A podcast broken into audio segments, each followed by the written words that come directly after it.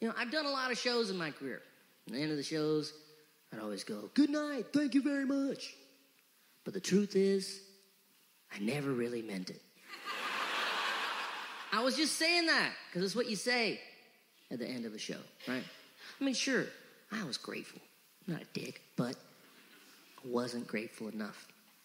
I didn't really think about what it means that all you guys came out. But now, when I see you guys here, it hits me in a different way. I think about what it means that all oh, you guys, you drove down here, you waited in line, and you did all of this stuff just to hear me talk into a microphone for like an hour or so. And it means the world to me because I saw the world where I don't ever get to do this again. Man, it almost felt like I died. In a way, I did. That old disease that said, oh, treat yourself, whatever, he's dead. but I'm glad. That guy was always looking forward to whatever was next. Oh, am I going to do another tour? Am I going to do another season of show? But I don't think that way anymore. Because I realize it's all ephemeral. All that stuff, it can just go away. Like this.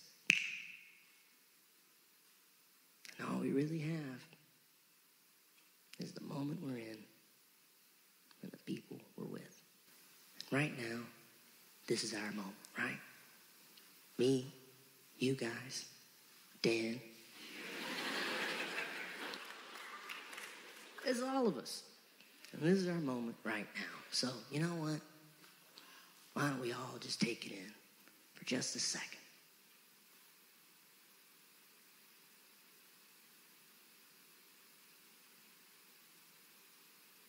And on that, I will say good night and thank you very, very much.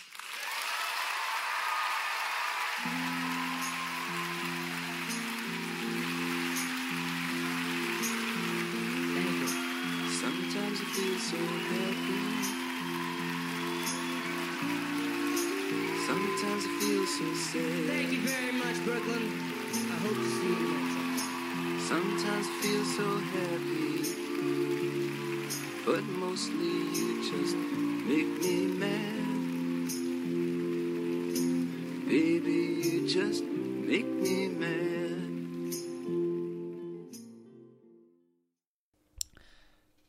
Hari ini hari Sabtu tanggal 18 April 2020 dan waktu tempat Canberra sekarang tuh eh, jam 12.17 pagi. It's midnight, gelap di luar sunyi, you know, just me and my microphone. Tapi ya yang ada satu hal yang mau gue point out ini take kedua dari podcast gue, oke. Gue udah nge-record 30 menitan and pas gue ngecek videonya ternyata audionya tuh nggak ke-capture sama sekali. So that's a fucking bummer. But you know what, man? It's fine. It's all good. Oke? Okay?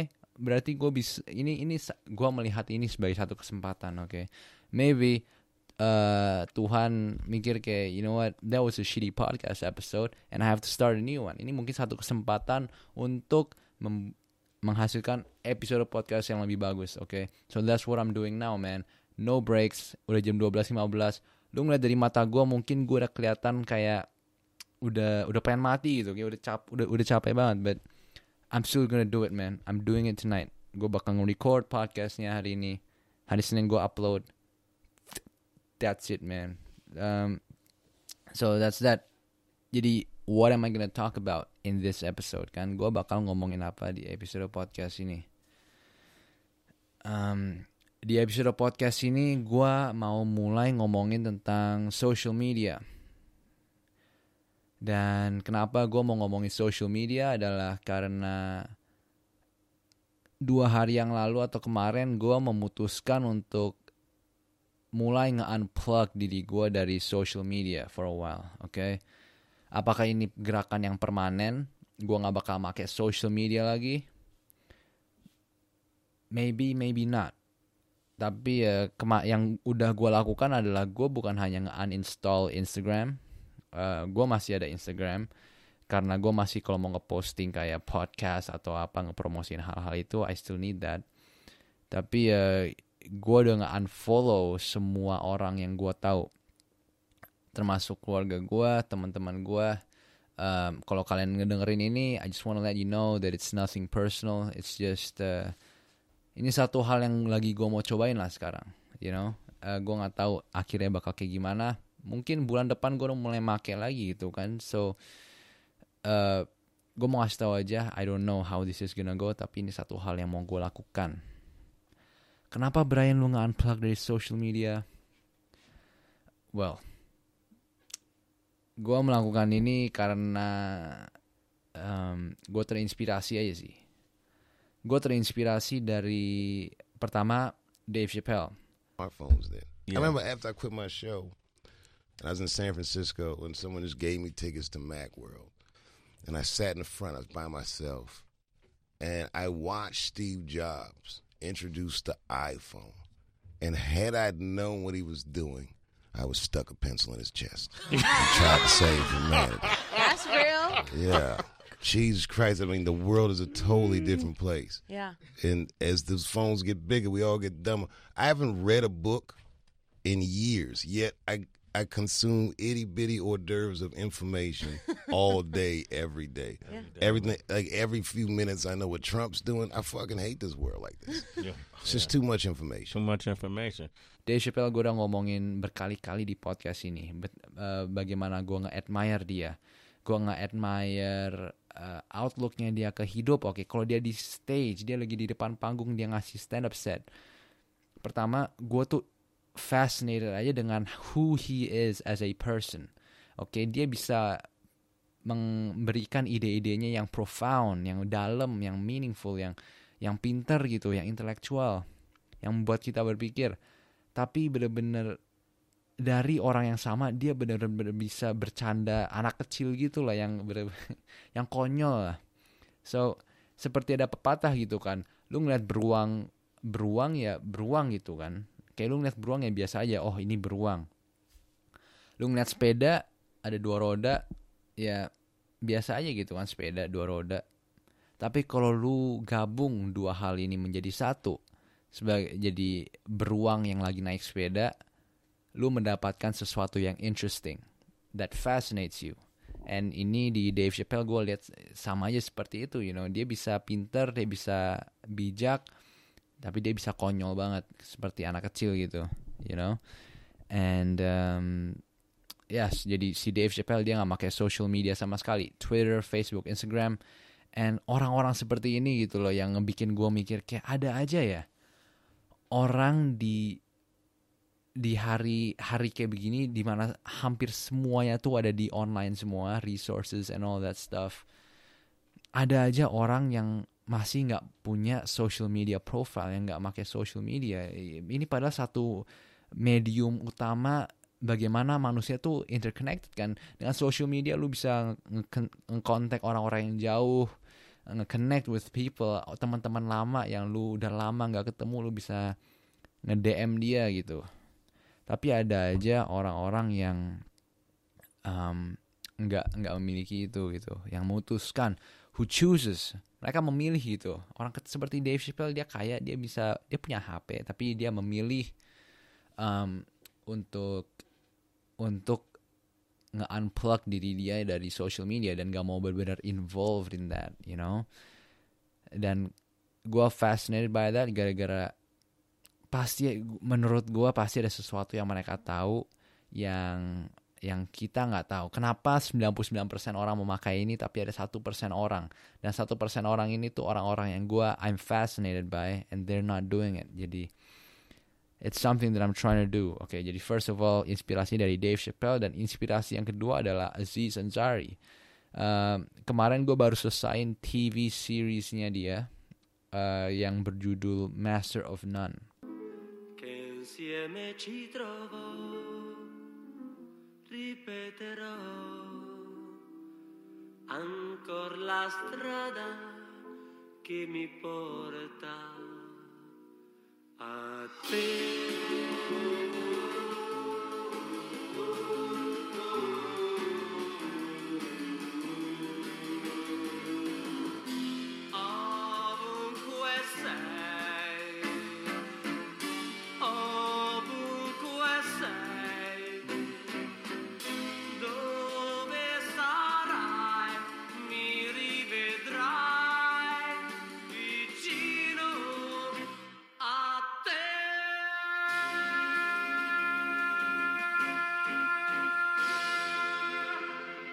Master of None ini tuh comedy. It's a comedy TV show, tapi ceritanya tuh it's a roman eh, romantic comedy. It's a romantic comedy and uh, bener-bener it's I think it's my favorite TV show that I've ever seen right now, see. To this date. It is so wholesome. It is so engaging, um, beautifully written, very funny everything man. And also kayak the romance apalagi di akhir-akhir season kedua gitu. TV show-nya baru ada dua season ya di akhir-akhir season kedua relatability pokoknya the whole show is very relatable to people. Ini tuh universal banget cerita-cerita yang ada di TV show ini.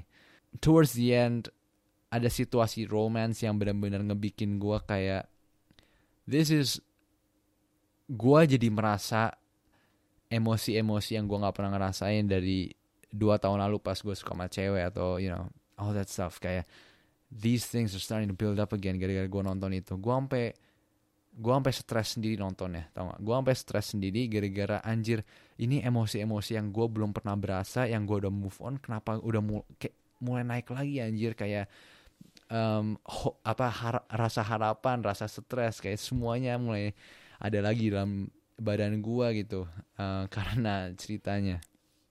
It is fucking crazy. Uh, and uh, you know it's gua nggak mau banyak bertele-tele lagi tentang shownya cuman shownya bagus banget. And because of how good the show is ini nge- menarik perhatian gua ke penulisnya dan creator dari shownya who is Aziz Ansari. Aziz Ansari ini orang India yang ada di Parks and Recreation. Kalau lo tahu TV show Parks and Recreation and um, yeah dan gue ngeliat kalau dia nggak pakai social media juga. And that's why like I'm like okay. Alright man. Uh, dari dari itu juga Dave Chappelle Aziz Ansari nggak pakai social media. Gue jadi merasa gue udah mulai 80% maybe I should unplug. Dan di kepala gue gue mulai come up with arguments gitu loh. Bukan arguments tapi kayak gue jadi mulai kepikiran. Kayak social media tuh apalagi di masa-masa karantina ini tuh it's not gonna fucking help I don't think. Kayak gue nggak bisa produktif kalau gue selalu ke distract gue selalu bosen gue selalu ngecek social media you know? It's always readily available selalu ada di samping gue gitu kan HP gue dan social media gue jadi itu gara-gara itu gue jadi 90% yakin gue nggak gue bakal nge-unplug. And um, setelah itu gue nonton stand up specialnya si Aziz Ansari setelah gue nonton Master of None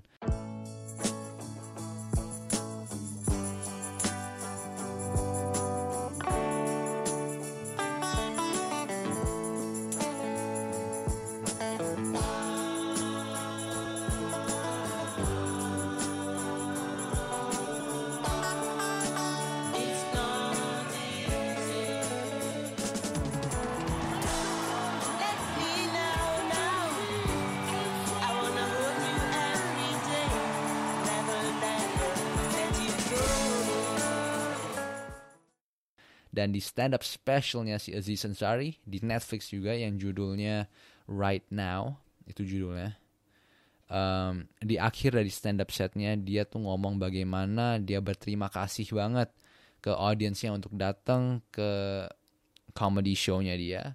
And dia benar-benar mau take this moment to really get really really be thankful uh, to the audience gara-gara ini satu hal yang dia tuh sering nggak nggak terlalu serius. Dia cuma ngomong gitu ngomong doang gitu. Dia nggak terlalu serius. Kayak berterima kasih banget banget. Because he's not in the moment. He's not in the present. Dia selalu memikirkan hal selanjutnya. You know project selanjutnya. Compare himself to other people. Kayak oh ini orang melakukan ini gue harus melakukan ini. Orang itu melakukan itu gue harus melakukan itu.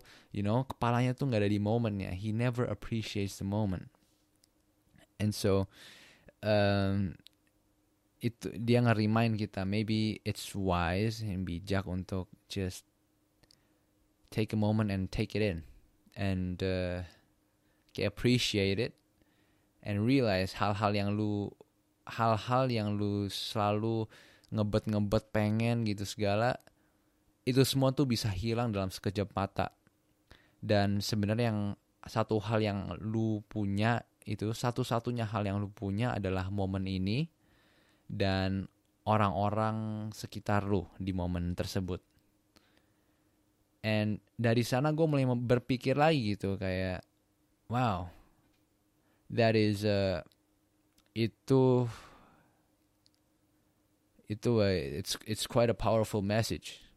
Gara-gara itu mengingatkan lagi kalau sebenarnya kalau misalnya misalnya gue lagi pergi makan atau I'm having a good fucking time kayak with my friends. Atau sama orang-orang gitu. Karena bagaimana Instagram itu tuh udah menjadi satu hal yang besar banget di hidup kita semua sebagai manusia. Mungkin satu hal pertama yang gue pikir adalah kita foto bareng yuk. Kita foto bareng gue bakal share ke Instagram. It's so fucked up right? Dan karena itu ya exactly man hal pertama adalah gue kepikiran untuk nge-post foto dan post it in, in Instagram instead of kayak we are all together here and kayak we're gonna have a good fucking time and cannot care about anything else and just be here and take it all in. Gara-gara that's what life is, right? Instead, gue kayak mulai berpikiran kalau you know I'm gonna think about the you know posting this on Instagram and kayak how dope it's gonna look. And kalau misalnya gue nge-post ini mungkin gue bakal uh, ngunjukin ke ini kalau you know I'm having a good time atau impress someone. Kayak you know you know you know what I'm saying? Kayak that self talk kayak pikiran lu you know dan um, mungkin dengan gua nge-unplug dikit sekarang it can help me with that. Kayak mungkin gua bisa be in the moment more. Kalau misalnya gue ngobrol sama orang tua gue gue telepon sama mereka atau orang-orang yang gue kasihin um, maybe I can be more in the moment you know?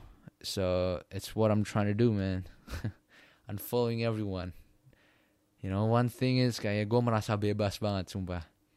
Setelah gue nggak unfollow semua orang gue merasa bebas banget. Kira-kira gue nggak tahu lu gimana ya berasanya.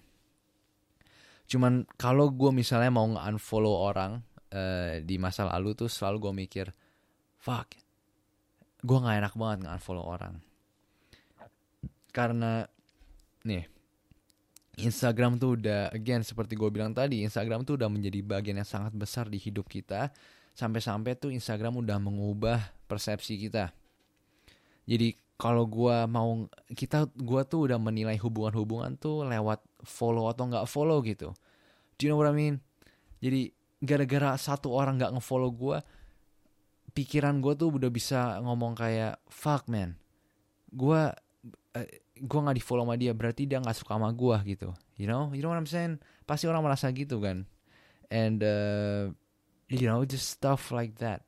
Kayak gua tuh semuanya udah pikiran gue, persepsi gue tuh udah semuanya ngedepend to this, you know, to this application. And um, you know, I don't think it's good. I don't think it's good for me. So, so that's one. Ada satu poin lagi yang mau gue raise sebenarnya. Oh ya, yeah.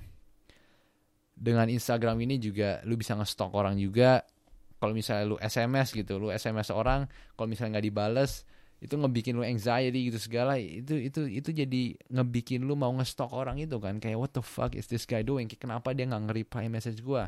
Dari sana lu mulai ngestalking lagi orang-orangnya dan you know pertama personal space orang bisa di breach oke okay, their privacy. Kayak what the fuck mungkin gua nggak mau ngebales gara-gara gua nggak mau ngebales aja gitu kan and secondly um, it's gonna make you feel shit kalau lu tahu kalau mereka nggak mau ngebales lu gara-gara mereka nggak mau ngebales lu eh but you know so again I, again man again it's a, it's another con And also another one.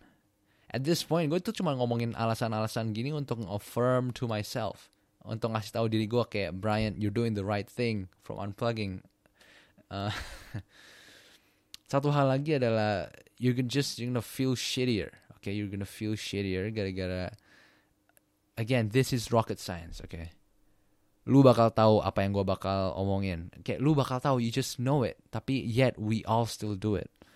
Um, gue mau ngomong tentang bagaimana you know most of the shit in here kebanyakan hal yang ada di HP kita di Instagram yang kita ngelihat it's all hand it's all crafted. Crafted moments. Mereka semua tuh banyak filternya um, mereka harus pilih dari 10 foto satu foto yang bakal dia post. Dan karena um, karena bagaimana social media itu bekerja lu ngelihat postnya mereka satu lu pikir itu satu-satunya post yang mereka post gitu ya. Satu-satunya foto yang mereka foto tanpa filter tanpa Photoshop and it looks fucking good. And you sitting there lu lagi duduk di sana dengan muka jelek lu lu ngeliat anjing ini orang kok ganteng banget sih?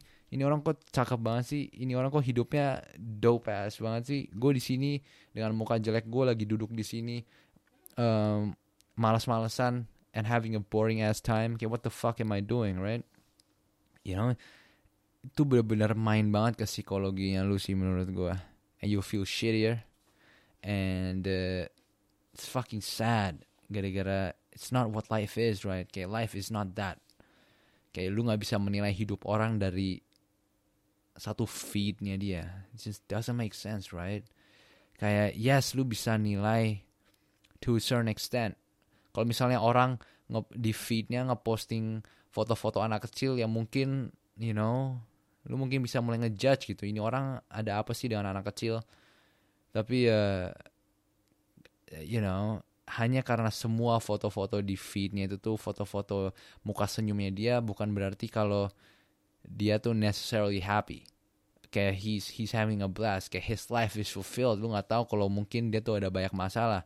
Lu ngeliat orang kayak Anthony Bourdain orang salah satu you know ini ini ini gue ambil dari bitnya si stand upnya si Dave Chappelle. Dia keliling dunia si Anthony Bourdain makan makanan-makanan enak di negara-negara berbeda dengan orang-orang terkenal orang-orang keren. Satu hari dia bunuh diri dia memutuskan untuk bunuh diri. Dan lu ngeliat orang lain yang hidupnya apa harusnya bagus tapi karena nikah dia cerai dan karena cerai yang sebelumnya dia nggak punya apa-apa ya karena cerai dia harus hilang duit lagi. Dan sekarang dia hidup sama orang tuanya. Ini orang masih hidup biasa aja. Dia masih kerja. He still do he still does what he does. And um, dia nggak mau bunuh diri gitu. Dia bilang dia nggak pernah kepikiran mau bunuh diri. Again ini gue ambil cerita dua cerita ini dari bitnya si Dave Chappelle. And itu harus ngebikin lu pikir gitu kan you know that apa yang kelihatan di depan mungkin um, it's not not so. It's not really so. You know what I mean? Itu bukan bukan it's not what's happening. Again you probably know this. And gue cuma ngerimain lu doang sih you know? At this point again gue cuma berbagi apa yang gue rasa atau apa yang gue lagi mikirin akhir-akhir ini sih. Um, so uh, yeah that's that man. That's that. Um, you know gue tahu mungkin ini tuh kayak bukan waktu yang gampang ini ini satu hal lagi yang mau gue omongin sih. Jadi uh, mungkin karantina bukan waktu yang mudah untuk kebanyakan dari kalian. You know? Gue tahu kalau di social media mungkin kelihatannya they're having a good time. Because of course of course. Uh, but I want to tell you kalau misalnya you're not having a good time gue nggak tahu. I'm just sharing that you're not the only one gara-gara di luar sana gue tahu banyak orang merasakan hal yang sama. Me included. Gue juga kemarin-kemarin I didn't feel too good. Gue merasa nggak mau ngelakuin apa-apa. And dari sana gue mulai merasa anxious. Gue mulai merasa banyak banget lah pikiran negatif datang ke kepala gue and I just feel I felt so shit. I was so sad. I was kind of depressed. Kayak gue nggak bisa ngelakuin apa-apa. But um, you know it's common and it's universal. Okay, we're having a tough time. You don't you don't always have to be productive. Okay, fuck those guys. Uh, you know, kalau misalnya you're dealing with something difficult, it's okay. You know, and it's not okay because you have to do something about it eventually. Akhirnya juga lu harus melakukan sesuatu, tapi um, it's okay as in like you're not alone. Kayak lu tuh sendirian. You know, you're not the only one having a hard time. A lot of people are. And I don't know, man. Itu gue mau ngasih reminder aja sih. You know, maybe you need it. And whatever it is, gue harap situasi lu uh, that you're dealing with physically, mentally, uh, spiritually, emotionally, lu bisa tanggulangin. You can overcome. Uh, you know, kayak in my story, gua kemarin pas setelah gua I felt so shit, gua mulai uh, meditate. I meditated for 20 minutes. Gua melakukan kayak breathing exercises uh, for like a bit, like one set. Kalau lu tahu Wim Hof, Wim Hof tuh punya satu breathing exercise. Jadi kayak 30 kali breathing gitu. kayak 30 kali and then you hold and then kayak gue gua ngelakuin satu ronde gue mulai nge-clean up my room uh, ini kayak advice si Jordan Peterson clean up your fucking room washed my dishes did some chores took a shower. Habis itu gue tidur gitu gara-gara ini tuh waktu yang malam and the next day I felt better. Gue merasa lebih baik gitu you know? And maybe dari situ gue ambil kalau you know if you're feeling shit kayak it's just temporary and you can overcome this okay whatever it is I hope you figure that out you know? So um, yeah man. Itu mungkin satu reminder yang mau gue tambahin lagi sih di episode kali ini. Dan sebelum gue pergi uh, gue mau berterima kasih kalian yang udah yang udah sorry yang udah mendengarkan podcast ini. Again follow Instagram gue Gen Z Indonesia. Podcastnya ada Instagram page uh, YouTube channel gue gue bakal upload more content there. Podcastnya follow.